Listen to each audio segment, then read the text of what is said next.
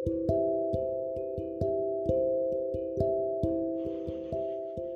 Assalamualaikum warahmatullahi wabarakatuh. Kembali lagi bersama saya, Rizky Alimat Sodia. Saya merupakan mahasiswa aktif di Stikes Kepanjen. Saya berada di prodi S1 Keperawatan tingkat 1. Kali ini kita akan membahas atau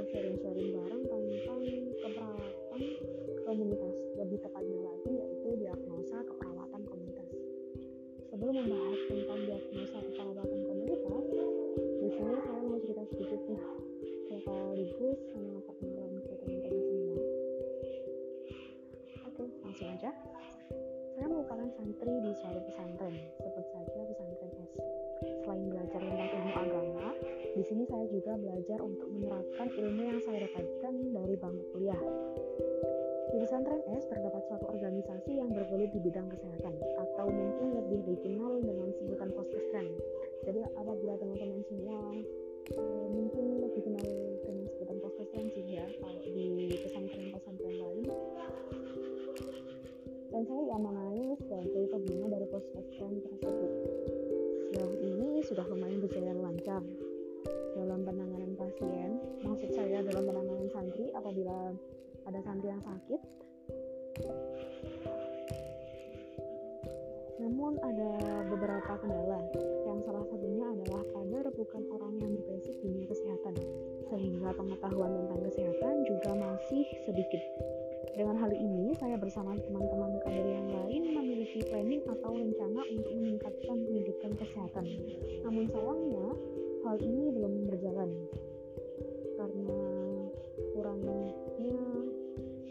pengetahuan atau kurangnya sumber yang bisa kita peroleh seperti itu.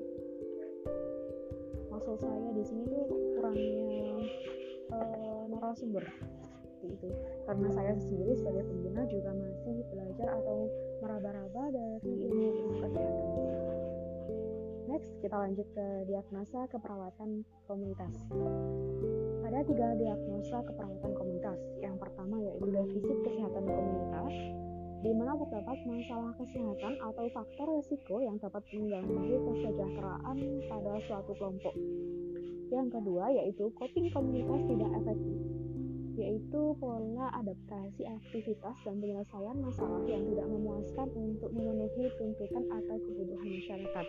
Dan yang ketiga adalah kesiapan coping komunitas merupakan pola adaptasi dan penyelesaian masalah komunitas yang memuaskan untuk memenuhi tuntutan atau kebutuhan masyarakat, serta dapat ditingkatkan untuk pelaksanaan masalah saat ini dan mendatang. Seperti yang saya sebutkan tadi, seperti permasalahan saya di kadar poskastrat ini yaitu kurangnya pengetahuan tentang kesehatan merupakan salah satu diagnosa keperawatan komunitas yang lebih tepatnya yaitu kesiapan coping komunitas. Karena masih sudah memiliki planning tapi masih belum terlaksana ini itu saja yang bisa saya sharing ke teman-teman semua. Terima kasih untuk